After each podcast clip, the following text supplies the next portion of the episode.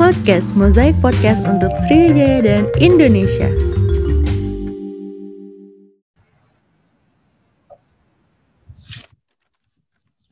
Assalamualaikum warahmatullahi wabarakatuh. Waalaikumsalam warahmatullahi wabarakatuh. Semuanya ketemu lagi di podcast BEM Keluarga Mahasiswa Universitas Sriwijaya Kabinet Mozaik Harapan. Nah, teman-teman, pada siang hari ini kita bakal ngobrol bareng lagi nih dengan tema dan topik yang keren dan gak kalah menarik dari episode-episode sebelumnya. Oke, teman-teman, sebelum kita mulai, izinkan saya untuk memperkenalkan diri terlebih dahulu nih. Jadi, perkenalkan, nama saya Fahriza Andresta, dari Kementerian Porakrema BEM Keluarga Mahasiswa Universitas Sriwijaya Kabinet Mozaik Harapan. Di sini saya selaku podcaster untuk memandu podcast kita pada hari ini. Dan kali ini teman-teman kita sudah kedatangan narasumber yang luar biasa dan gak kalah keren dari narasumber-narasumber kita sebelumnya. Seseorang yang telah banyak membuat karya yang inspirasi nih teman-teman. Tanpa berlama-lama langsung saja kita sambut narasumber kita itu Kak Reski Firmansyah. Halo Kak Reski, Assalamualaikum Kak. Waalaikumsalam warahmatullahi wabarakatuh. Halo Pak Riza. Apa kabar nih Kak? Alhamdulillah baik di rumah saja. Alhamdulillah, semoga selalu baik. Nah Kak, uh, kalau boleh tahu nih Kak, sekarang Kakak lagi sibuk apa aja nih Kak? Di masa-masa sekarang ini. Hmm. Ini lagi ngezoom nih sekarang. lagi ngezoom sekarang. lagi ngezoom nggak ya? Untuk kerjaan-kerjaan lagi sibuk ngapain? Lagi ngezoom. Oh kerjaan. ya seperti biasa. Uh, kan lagi aktivitas emang nulis. Jadi ya nulis buku, nulis konten, bikin mentoring online. Jadi pekerjaan saya itu kan sebagai apa ya konsultan kreatif penulis. Jadi aktivitasnya ya berhubungan sama kayak gitu. Bikin tulisan untuk diri sendiri, uh, ngajarin orang, uh, buka sesi konsultasi, ngajarin project seputar ketulisan bareng orang lain. Ya lebih kurang seperti itulah. Oke ya, iya nih. Jadi teman-teman uh, mungkin agar lebih mengenal lagi Kak Reski ya. Jadi uh, Kak Reski Firmansyah ini uh, seorang penulis buku dan juga konsultan kreatif penulis ya Kak, benar Kak ya? Betul. Nah, Oke, okay. nah kalau boleh tahu nih Kak, konsultan kreatif penulis itu seperti apa sih Kak? Mungkin teman-teman masih banyak yang belum paham nih Kak. Boleh sedikit dijelaskan Kak? Ya. ya seperti profesi pada umumnya ya, seperti konsultan pada umumnya lah. Kan kalau ada konsultan proyek misalkan, berarti kan kalau konsultan proyek itu berarti dialah yang bakal memberikan masukan terkait proyek tertentu. Uh, konsultan uh, kesehatan, berarti kan dia berbidak bidang kesehatan, dia bakal ngasih nasihat bagaimana uh, tips dan trik kesehatan seperti apa gitu. Nah, saya pribadi itu memilih jalan sebagai konsultan penulis gitu. Uh, konsultan kreatif penulis lah ya. Jadi saya tuh nggak cuma ngajarin orang untuk nulis aja, tapi juga bisa memberikan nilai tambah dari penulisan seperti apa. Nah, maka aktivitas saya, makanya saya tuh kan mengatakan diri bukan sebagai penulis aja. Karena kan kalau sebagai penulis aja berarti kerjaan saya nulis buku aja, nulis konten aja. Tapi enggak, saya pengen memberikan nilai tambah. Saya pengen bantu orang untuk menulis lah. Karena saya tahu bagaimana caranya ngajarin orang. Bagi, punya pengalaman, punya ilmu, punya perspektif. Yang mana sayang banget kalau cuma dipendam sama diri sendiri aja dan itulah manfaat yang pengen saya sampaikan kepada orang lain. Ya, intinya aktivitas saya adalah sebagai writing, mentoring, consulting. Ya gitulah. Oke, jadi uh, seperti itu kayak terkait biografi singkat dari Kak Reski itu sebagai biografi. sebagai konsultan yeah. dan ya bisa dibilang pemberi saran dan terkait penulisan seperti itu kak ya? Ya, itulah simpelnya. Oke kak, dan tanpa berlama-lama lagi nih kak, langsung aja kita ya. masuk ke topik pembahasan kita nih. Nah mungkin teman-teman ya. sudah nggak sabar lagi ya kan. Nah jadi ya.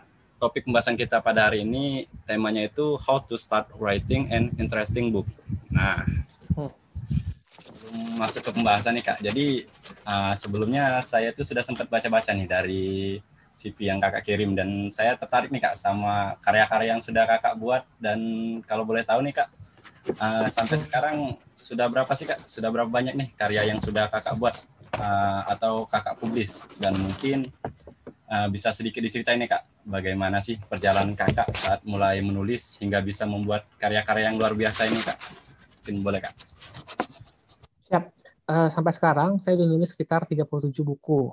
37 buku itu non fiksi semua ya. Jadi saya nggak nulis cerpen, nggak nulis novel, nggak nulis puisi. Jadi emang non fiksi semua lah.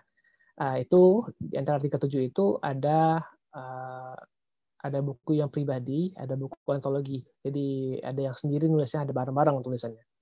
Nah singkatnya gini uh, tentang perjalanan nulis ya dari dulu sampai sekarang lah. Saya itu dulu nulis uh, membiasakan nulis ya, sudah dari sekitar 2010 lah lebih kurang. 2010 itu ketika zaman-zaman SMA. Nah saya itu mulainya dari jurnal harian. Jurnal harian itu ya jurnal harian aja gitu. Jadi saya nulis nulis punya buku kecil gitu. Buku kecil isinya uh, kalimat harian awalnya. Jadi ada kalimat harian itu seperti uh, contohnya gini. Hari ini saya ngezoom bareng Fahriza Andresta. Itu kan cuma kalimat biasa aja gitu. Nggak ada maknanya, cuma catatan aja, biasa aja gitu. Dari kalimat harian itu saya naik kelas nih sekian lama setelah itu bikin refleksi harian. Nah, refleksi harian itu lebih dalam, lebih ada perenungannya lah, lebih bermakna. Misalkan uh, kita butuh usaha lebih untuk mendapatkan hasil yang lebih. Itu kan lebih bermakna kan dibanding kalimat sebelumnya. Nah, itu namanya refleksi harian. Dari kalimat harian, refleksi harian, terus saya pernah ikutan lomba esai. Lomba esai, andai aku jadi DPD RI saat itu. Provinsi Riau, kelas 12 SMA. Saya itu, Alhamdulillah, saya bisa juara satu Provinsi Riau. Saya nggak tahu kenapa alasan juara satu ya. saya nggak bisa nebak juga kenapa. Tapi saya nemukan alasan, nemukan momentum bahwa ternyata menulis itu bukan tentang kita jago sastra, bukan kita tentang jago fiksi, bukan tentang kita jago bikin puisi, cerpen, dan seterusnya. Enggak menulis itu kan bagaimana cara kita berkomunikasi dengan tulisan. Jadi selama kita punya gagasan, selama punya kita punya pemikiran, dan kita bisa menstrukturkan dengan rapi dan menyampaikannya pada orang lain, maka kita bisa nulis. Pada dasarnya bisa nulis, cuma bagaimana cara kita biasakan aja. Nah, terus setelah saya juara satu saya itu eh, di 2012 ketika perpisahan SMA saya bareng sama teman-teman kelas 12 itu launching buku antologi judulnya Admiral. Admiral itu nama angkatan. Jadi judulnya Admiral Generasi Perjuangan dan Keajaiban. Nah, itu semacam kumpulan kisah antologi bareng teman kelas 2 SMA yang launching ketika perpisahan. Dikasih ke kepala sekolah, dikasih ke guru, ke teman seangkatan lah. Dia akan pas perpisahan. Terus tahun berikutnya 2000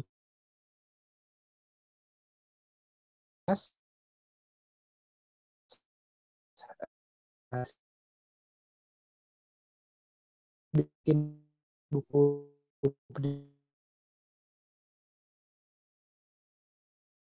di Bernadette Mayan Student Leadership Camp. Nah, saat itu uh, acaranya di UI.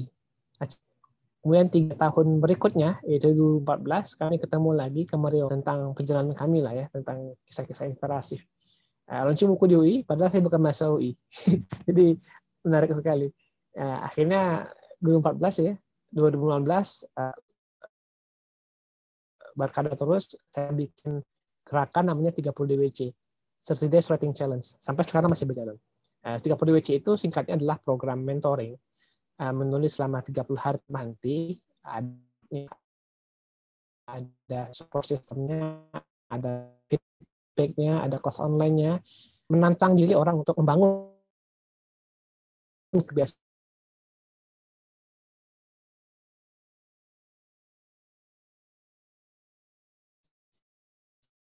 teman-teman yang pengen terlibat sama tiga poin untuk menulis buku dan seterusnya. Dan sampai sekarang singkatnya saya sudah bikin sekitar 37 buku lah, non fiksi semuanya. Uh, teman-teman yang pengen lihat karya saya bisa cek di karya Reski.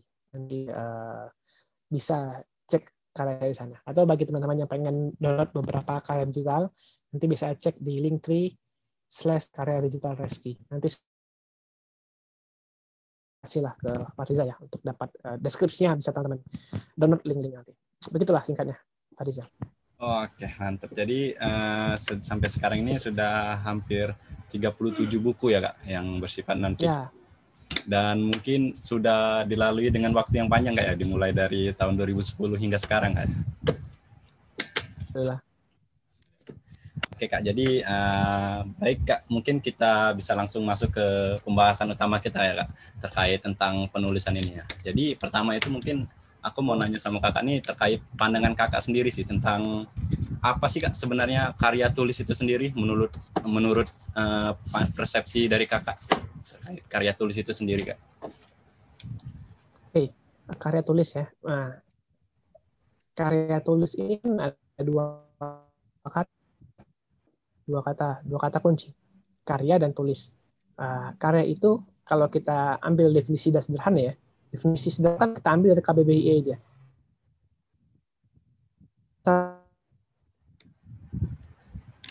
Indonesia. Karya itu kalau kita buka, jadi kalau teman-teman uh, bikin suatu hal dari tangan apa pun itu, entah rumukan kertas, entah itu gambaran jelek, entah itu uh, patung, apa pun, walaupun jelek itu karya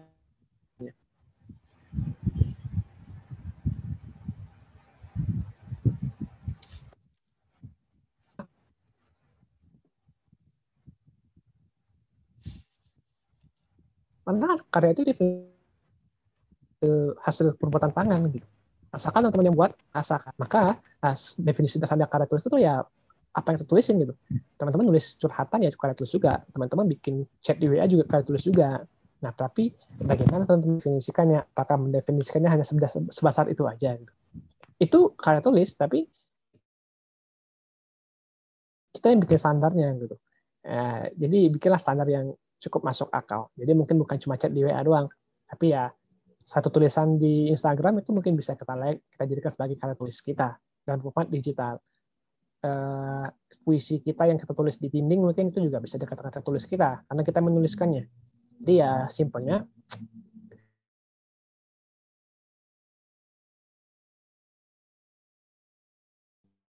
jangan mendefinisikan ya pengen uh, pengen ber Tapi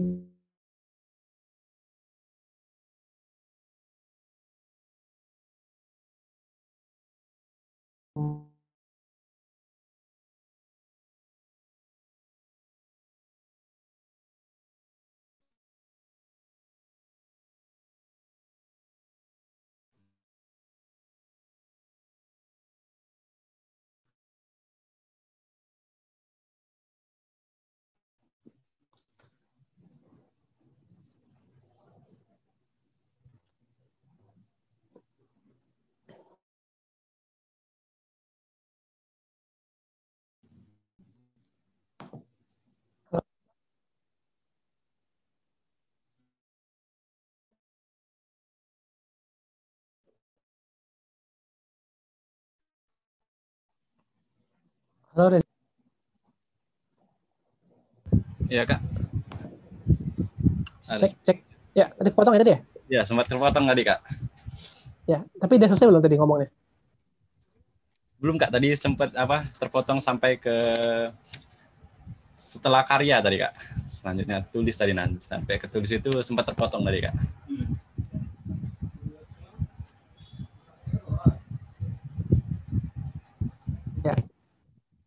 Berarti tulis itu kan membahasakan pikiran kita prasangka maka itu tulis gitu. Jadi setelah berbuat ya membuat atau enggak tapi sudahkah kita memulai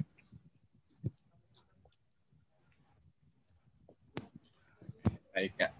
Nah, jadi itu kayak uh, terkait karya tulis itu sendiri uh, bisa kita maknai apa pun hal yang telah kita buat kayak telah kita buat itu sudah eh, yang kita buat dari tangan kita sendiri dan dari hasil pikiran kita sendiri itu sudah termasuk sebuah karya kayak.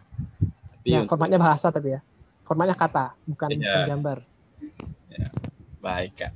Nah, lanjut nih kak. Uh, mungkin banyak teman-teman di di rumah tuh kak uh, keing memiliki keinginan sih kak untuk memulai menulis nih. Tapi masih bingung kayak kak masih bingung apa sih langkah-langkah yang harus dilakuin terlebih dahulu buat memulainya.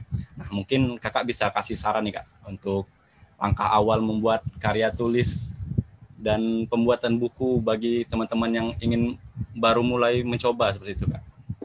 Ya siap. Uh, karena ini konteksnya adalah memulai ya. Memulai itu saran saya jangan langsung sempurna. Kita mulai dari hal yang paling sederhana hal apa yang dekat sama kita, hal apa yang paling mudah sama kita. Misalkan gini, teman-teman merasa uh, memiliki ketertarikan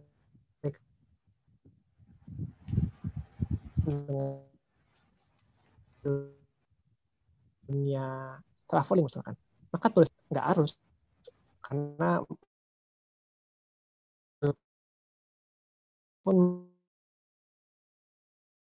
mungkin itu lebih tepat lebih lebih lebih apa ya?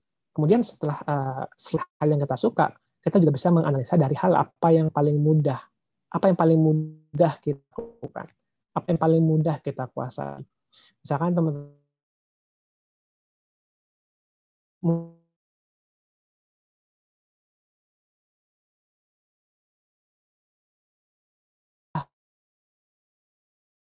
untuk berinteraksi sama anak kecil. Uh, pengalaman, pengalaman. Uh, ini saya bahas di konten saya Instagram kemarin. Jadi uh, setiap kita kan punya pengalaman pasti dong, pasti punya pengalaman masing-masing di hal apa pun. Pengalaman itu bisa kita ceritakan sebagai tulisan kita. Nah, itu hal yang paling mudah karena kita merasakannya. Tapi jangan terjebak sama cerita pengalaman hingga asik sendiri gitu. Karena kalau kita asik sendiri bikin pengalaman, nanti orang-orang bakal bertanya apa sih asiknya pengalaman lu? Gitu. Apa sih asiknya pengalaman pengalaman kamu? Gitu. Nah, maka penting bagi kita untuk membuat pengalaman itu relevan bagi orang lain. Nah, bertanya sama mereka bikin mereka terhubung sama pengalaman kita. Jadi jangan cuma ceritakan tentang diri sendiri tapi juga ajak orang lain terlibat dalam pengalaman kita. Contoh uh, tulisan kemarin saya bahas tentang bagaimana uh, sebenarnya potensi kita tuh nggak pernah terpendam. Eh nggak pernah hilang. Kita hanya terpendam aja Nah, jadi saya tuh ceritain tentang uh, saya tuh dulu rajin banget olahraga, kemudian uh, puncaknya kemarin saya bersepeda hampir dua jam gitu ya, dan saya sanggup gitu 30 km lebih. Uh, dan saya masih bisa, masih baik-baik aja gitu. Dari momen ini saya merasa bahwa ternyata saya itu punya kemampuan untuk itu loh, punya kemampuan fisik yang baik. Nah, sekarang saya ajak teman-teman, coba ingat kembali apa hal yang kamu lakukan dan begitu bersemangat dulunya. Bisa jadi itulah potensi yang kamu miliki dan kamu mengambilkan itu. Itu kan dari kan pengalaman sendiri, saya buat orang lain uh, relevan sama apa yang mereka alami. Begitu. Pak Riza. Mulai dari hal yang paling mudah, hal yang disukai dan mulai dari pengalaman. Berarti anu kayak ya, bisa diambil dari pengalaman-pengalaman yang sudah kita lalui seperti itu kak ya. Untuk memulainya dan juga kata-kata tadi jangan jangan langsung sempurna kayak karena mungkin oh. kalau langsung sempurna itu nggak ngerasain prosesnya kayak ya. Ya ya itu banyak orang sih. Dia berharap sempurna berharap langsung wow gitu. Padahal nggak mungkin. Iya. jadi bisa dicoba sedikit demi sedikit ya kak untuk memulai. Betul. Ya. Oke baik kak. Nah selanjutnya ini kak uh, mungkin hmm kalau teman-teman tadi sudah mau mencoba nih kak, sudah memulai untuk mempersiapkan diri nih, mencoba membuat suatu karya tulis terutama. Nah kira-kira ada nggak sih kak tips dan trik kalau buat teman-teman itu agar karya tulis yang dibuat itu menarik kak, menarik dan apa ya bisa uh, membuat minat orang untuk membaca seperti itu kak, untuk membaca karya tulis yang kita buat itu. Sip.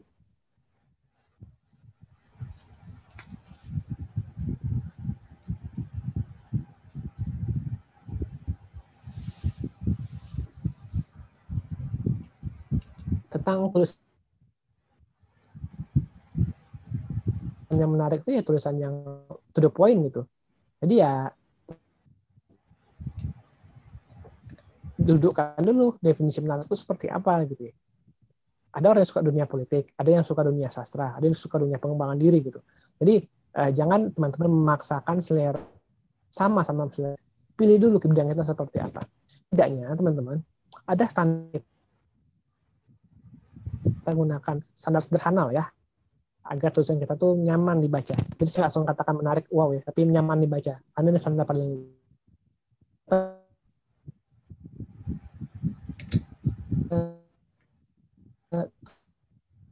tulisan kita tuh harus bisa struktur tapi tapi itu kalau kita kalau tulisan terlibat itu nggak banyak nggak banyak uh, salah-salah penulisannya. Banyak pengulangan katanya. Uh, kemudian paragrafnya nggak terlalu panjang. Dan seterusnya lah. Itu hal-hal minor yang bisa teman-teman jari secara mandiri.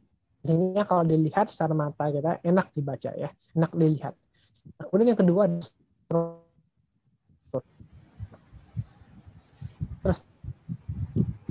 struktur itu eh, nggak muter-muter. Karena kan kalau bisa jadi kita nggak nyambung antara satu target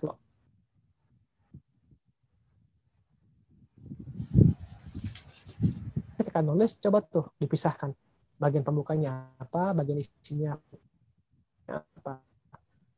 Pembuka itu untuk apa? Pembuka itu agar pembaca bisa uh, tertarik perhatiannya. Kalau kita mulai dengan opening yang menarik, orang bakal bakal enak dong bakal bakal langsung lanjutkan tulisan kita. Tapi kalau pembukanya nggak menarik, ya orang mungkin bakal mengabaikan karena ada banyak banget tulisan orang-orang kan di dunia maya kan. Contoh gini deh, ketika teman-teman terjebak dalam sebuah ruangan yang mana ada banyak pintu di sana, pintu itu sama. Apa hal yang membuat teman-teman buka satu pintu? Nggak ada kan? Karena pintu sama gitu. Tapi kalau coba di pintu itu ada ada tulisan. Misalkan Eh, pintu paling kiri ke masa lalu, pintu kedua ke masa depan, pintu ketiga jalan keluar. Mana yang teman-teman pilih? Tentu yang sesuai kita harapkan. Seperti itulah pembuka tulisan. Judul tulisan juga seperti itu. Judul kan termasuk bagi bagian pembuka kan. Maka pastikan pembuka kita menarik. Judul kita nyambung ya. Jangan clickbait doang, tapi nyambung dan relevan. Yang kedua isi. Isi itu berarti pesan utama yang pengen kita sampaikan apa eh, entah satu entah satu pesan utamanya entah tiga pesan utamanya terserah gitu ya. Jangan kebanyakan. Dan pastikan ada gitu. Karena ada di tulisan itu kosong aja nggak ada nggak ada maknanya gitu ya. Yang ketiga penutup penutup itu apa? Penutup itu untuk menyimpulkan kembali untuk menekankan kembali apa yang ingin kita sampaikan.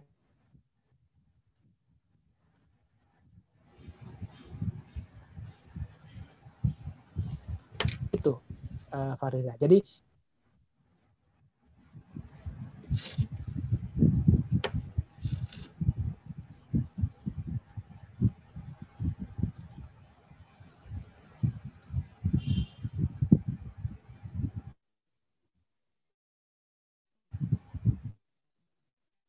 Ya.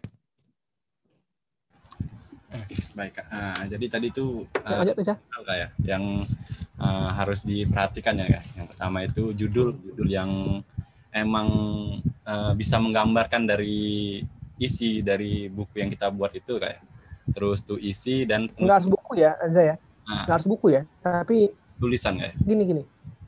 Ya tulis ya. buku itu kan tebal pastinya kan? Karena buku itu kumpulan tulisan gitu. Oke baik kak. Ah, ini lagi kak. Uh, mungkin uh, kalau dari pengalaman kakak nih kak ya pengalaman kakak yang emang sudah lama berkecimpung di dalam dunia penulisan ini sendiri kak ya. Uh, kira-kira ada nggak sih kak uh, tips buat teman-teman uh, hal-hal apa saja yang perlu diperhatikan agar saat kita memulai itu tidak banyak terjadi kesalahan gitu kak, tidak banyak apa ya yang sering ngebuat kita down seperti itu kak dalam menulis itu. Mungkin apa apa saja kak yang perlu diperhatikan? Uh, yang bikin kita nggak down ketika kita memulai ya. Uh, pertama kita mesti tahu motivasi kita apa. Motivasi yang baik lah ya. Strong way kalau saya biasa ngatain itu. Strong way itu adalah alasan kenapa kita melakukan satu hal. Nah biasanya kan orang-orang punya itu tapi nggak jujur gitu. Ada yang mengatakan saya pengen bermanfaat dengan tulisan. Saya pengen menuliskan sebagai amal jariah. Saya pengen nulis sebagai jalan ibadah. Itu kalau kita boleh uh, kritisi itu adalah jawaban-jawaban bohong aja, jawaban-jawaban dusta aja. Kenapa? Gini gini. Ketika kita mengatakan saya pengen bermanfaat, ya, maka yang harus dilakukan adalah melakukannya, bukan memikirkannya. Misalkan gini, dia mengatakan saya pengen bermanfaat, tapi dia nggak nulis. Bagaimana cara dia bermanfaat? Bohong dong kalau kayak gitu. Misalkan dia menulis nih, misalkan menulis lalu like-nya dikit gitu. Berarti yang mendapat manfaat kan yang like-nya dikit kan. Teorinya gitu kan. Tapi ketika dia berhenti karena dia nggak nulis karena like-nya sedikit, berarti kan dia, dia, dia tidak bermanfaat kan. Itu logikanya kan. Maka miliki itu songko yang benar gitu. Kalau teman-teman pengen bermanfaat ya udah melangkah aja gitu. Jangan jangan jangan fokus pada pada alasan-alasan yang indah ketika kita menulis.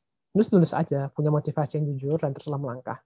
Jadi punya strong way terlebih dahulu ya, punya alasan kenapa kita memulai, motivasinya apa. Yang kedua, teman-teman tahu nih goalsnya pengen jadi apa, pengen tulisan itu sebagai apa.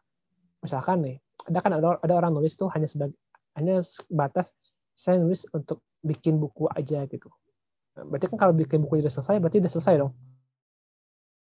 Nulis cuma ikut lomba doang gitu. Lomba udah selesai, entah menang atau enggak, saya dong nulis ya. Nah, saran saya pastinya ada goals jangka pendeknya, ada goals jangka panjangnya, ada goals paling jauhnya. Goals paling jauhnya itu mungkin kita bisa berpikir nih, bisa nggak sih dengan nulis berbuah surga nantinya. Uh, bisa nggak teman-teman memiliki mimpi kayak gitu tuh? Uh, setelah ketika dunia di dunia ini kita nggak ada lagi, banyak orang-orang bakal merasakan manfaat dari tulisan kita. Bisa nggak miliki kayak gitu tuh? Bisa kalau kita menulis, bukan karena bukan kalau kita berpikir aja. Berpikir tuh nggak berbuah apa-apa. Mulai dulu aja. Nah, jadi itu ya, uh, miliki goals ya. Terus yang ketiga, berhentilah untuk membandingkan sama orang lain. Karena kita memiliki zona waktu yang berbeda-beda. Reski Firmansa mulai dari 2010 nih. Eh, Fariza mulai dari tahun berapa? Saya nggak tahu. Dan teman-teman yang dengar ini sekarang mulai dari kapan? Nggak tahu kan? Teman-teman pengen bandingkan sendiri sama Terelie. Terelie itu udah kapan dia nulisnya? Nggak tahu kan? Terus membandingkan sama mereka. Nggak banding, nggak fair. Maka bandingkan diri itu bukan dengan orang lain membandingkan diri itu dengan diri kita yang sebelumnya. Reski Firmansyah di 2021 membandingkan Reski Firmansyah dengan 2020. Gitu paling fairnya, paling adilnya. Jadi ya fokusnya tuh jangan melihat rumput tetangga, tapi fokuslah untuk merawat rumput halaman sendiri. Begitu, bisa. Wah, baik kak, sangat uh, apa ya membuka wawasan sekali sih kak. Setelah dengar penjelasan dari Kak. Nah, jadi gini Kak, uh, untuk zaman sekarang nih Kak ya bisa dibilang eranya milenial nih Kak. Kan udah banyak nih Kak uh, platform-platform atau media-media yang bisa mewadahi karya-karya terutama karya-karya tulis kita itu Kak. Nah, menurut Kakak sendiri uh, seberapa penting sih Kak uh, kaum-kaum milenial ini untuk memanfaatkan apa ya, memanfaatkan platform-platform tersebut Kak untuk me, apa ya, menyalurkan karyanya? Ya, siap. Uh, kita berkarya itu ada di, di dua dunia. Berkarya di dunia fisik, sorry, dunia nyata sama dunia maya. Dua hal itu tuh. Uh, gampangnya, produknya adalah kalau dunia nyata itu buku ya, sedangkan dunia maya adalah postingan. Miliki dua-duanya. Jadi, jadi kalau teman-teman nulis buku, jangan berhenti untuk nulis dunia maya. Kalau teman-teman mulai terbiasa nulis dunia maya, jangan jangan berhenti di maya aja. Nanti bikin bukunya. Karena apa? itu dua hal yang berbeda dan itu saling melengkapi. Ya, jadi buku harus ada ya, harusnya harapan kita ada. Nah kalau dunia maya kita masih tahu nih bahwa setiap platform itu punya uh, treatment masing-masing. Kalau di Instagram kita mau nggak mau menggunakan visual sebagai kunci utama kita. Kalau di Twitter kita menggunakan tulisan dengan nafas yang singkat 140 karakter gitu ya. Uh, kalau teman-teman pengen bikin utas, pengen bikin tweet, ya itu bisa nyambung-nyambung gitu. Uh, kita juga bisa bikin bikin di medium, di blog atau di apa pun. Jadi ya terserah teman-teman pengen pilih platform seperti apa. Tergantung karakteristiknya akan seperti apa. Jadi uh, menyesuaikan sama sama kita aja. Saya pribadi nggak nulis di Twitter, saya, karena saya saya nggak punya Twitter. Punya sih tapi nggak aktif. Saya nulisnya di Instagram doang sama blog. Kenapa? Ya lebih nyaman di sana aja. Berarti uh, harus menyesuaikan kayak ya, dengan uh, di mana kita nyaman nyamannya untuk menyalurkan karya tersebut kayak. Ya? ya betul. Jadi kita nyaman itu kan beda-beda ya dan kita nggak usah nggak usah memaksakan untuk berpindah platform nggak nanti nggak nggak nggak perform aja. It's okay sih soal masalah. Oke baik kak. Nah jadi uh, mungkin itu tadi uh, penjelasan terakhir ya kak terkait materi yang topik pembahasan kita kali ini. Nah, buat teman-teman di rumah, yuk kita sama-sama memulai dan belajar untuk membuat karya-karya tulis nih. Dari dengan tips dan trik yang sudah Kak Reski sharing tadi, teman-teman. Nah, nggak terasa nih Kak, kita sudah hampir sampai di penghujung acara kita nih Kak. Tapi sebelum kita akhiri, uh, mungkin ada pesan nggak Kak untuk teman-teman di rumah, terutama teman-teman kaum milenial nih Kak? Buat apa ya meningkatkan semangat mereka lagi nih kak untuk memulai. Ya, uh, siap. Uh, teman-teman, pekerjaan penulis itu adalah menulis, bukan bertanya. Jadi teman-teman banyak yang menulis saya bukan banyak yang bertanya. Saya percaya bahwa mungkin di banyak sesi teman-teman di banyak tempat teman-teman sering bertanya gimana cara nulis? Gimana tips agar nggak udah tersebut? Gimana tips bla bla bla bla bla bla bla bla? Bla udah banyak begitu banyak materi teman-teman dapatkan udah begitu banyak pertanyaan teman-teman dapat jawab gitu. Tapi seberapa banyak teman-teman merealisasikan jawaban itu? Seberapa banyak mengaplikasikan jawaban itu? Knowing is nothing. Applying what you know is everything. Jadi teman-teman kalau tahu doang nggak bermanfaat nggak ada apa-apanya tapi mengaplikasikan apa yang udah tahu itulah penting. Jadi selamat menulis bukan selamat bertanya. Selamat memperjuangkan karya-karyamu Baik kak, sarannya. Nah satu lagi nih kak, uh, bicara tentang podcast BEM KM Unsri nih kak. Jadi bisa hmm. dibilang uh, podcast BEM KM Unsri ini masih apa ya, masih berumur uh, baru lah kak, masih dibilang masih berumur jagung lah kak. Dari kakak sendiri ada nggak sih kak harapan kakak untuk uh, podcast ini ke depannya gitu kak? Uh, dalam setiap uh, karya itu yang paling penting itu bukan hanya kualitas ya. Saya bukan mengatakan bukan hanya ya, kualitas itu penting. Tapi yang tidak kalah penting dari kualitas itu adalah konsistensi. Jadi eh, bagaimana caranya agar BMKM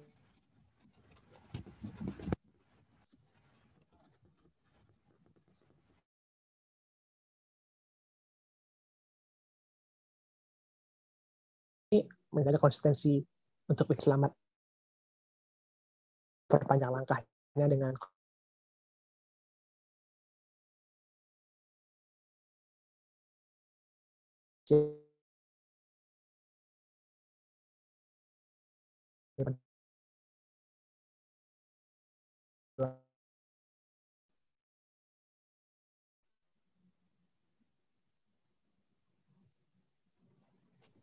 Ya. Oke, baik Kak. Nah ini terakhir nih kak. Nah, jadi biasanya di akhir itu kami hmm. minta saran nih kak, saran atau rekomendasi lagu dan film favorit dari narasumber. Nah kalau dari kakak sendiri ada nggak sih kak lagu dan film favorit rekomendasi untuk teman-teman di rumah nih kak buat mengisi waktu luang? Apa ya? Lagu favorit apa ya? Uh, lagu favorit saya saya biasanya dengar dengar akustik itu. Bukan bukan dengar akustik dengar itu dengar suara-suara suara-suara alam itu loh. Suara-suara piano gitu kalau lagi kerja. Teman-teman mungkin bisa digunakan itu sebagai referensi ya. Tapi saya biasanya kalau dengar dengar lagu suka dia lagu yang bersemangat lah. Kayak lagu-lagu ya lagu Roda di dadaku gitu. Kayak Gaskin dan Sang Roda itu lagu-lagu yang lama tapi masih relevan lah. Kalau film apa ya film saya mungkin terakhir nonton Vincenzo mungkin. Wow. Vincenzo atau Los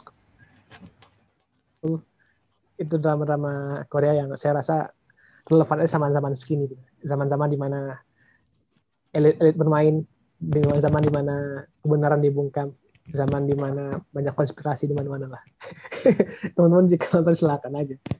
Itu melampiaskan hobi aja sih mungkin bisa jadi rekomendasi buat Nah, teman-teman di rumah untuk mengisi waktu luangnya nih selama di rumah aja kan ya kak.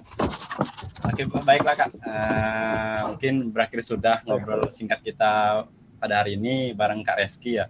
Pada siang hari ini terima kasih untuk Kak Reski uh, karena sudah mau untuk meluangkan waktunya kak dan terima kasih juga untuk ilmu dan sharing-sharingnya kak. Ya sama-sama Pak buat teman-teman yang uh, mungkin ingin lebih kenal lagi, lebih dekat lagi dengan Kak Reski, uh, bisa kepoin sosial medianya Kak Reski ya di Instagramnya at.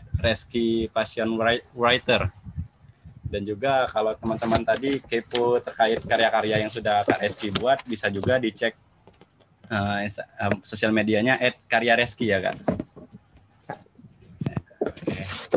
Nah, karena saat ini kita terbatas dengan waktu juga Kak, mungkin di lain uh, waktu kita boleh lagi kak ngobrol-ngobrol bareng lagi dan buat teman-teman yang nggak mau ketinggalan podcast selanjutnya bisa banget nih follow akun BEM KM Unsri dan ikuti kita di Spotify juga. Selamat mendengarkan, sampai jumpa kembali di episode-episode selanjutnya. Sampai jumpa teman-teman. Ya. Nah, kita udah sampai nih di ujung tapi bukan di akhir podcast karena nggak kerasa udah waktunya kita untuk pamit undur diri di season kali ini. Tapi jangan khawatir karena dalam waktu dekat kita akan kembali bertemu dan mengudara di Mosaic Podcast episode selanjutnya. Untuk itu jangan lupa follow akun Spotify Mosaic Podcast supaya nggak ketinggalan update dan info terkini perihal bahasan-bahasan menarik di next episode. Dan juga teman-teman bisa nih follow akun resmi sosial media BMKM Unsri yang nggak kalah kece dan informatifnya. Untuk Instagram bisa langsung follow di @bmkmunsri. Juga channel YouTube kita ada BMKM Unsri. Jangan lupa di follow, subscribe, like, and share ke teman-teman virtual kalian. Dan jangan lupa untuk mengaktifkan notifikasi di akun masing-masing platform. See you guys soon.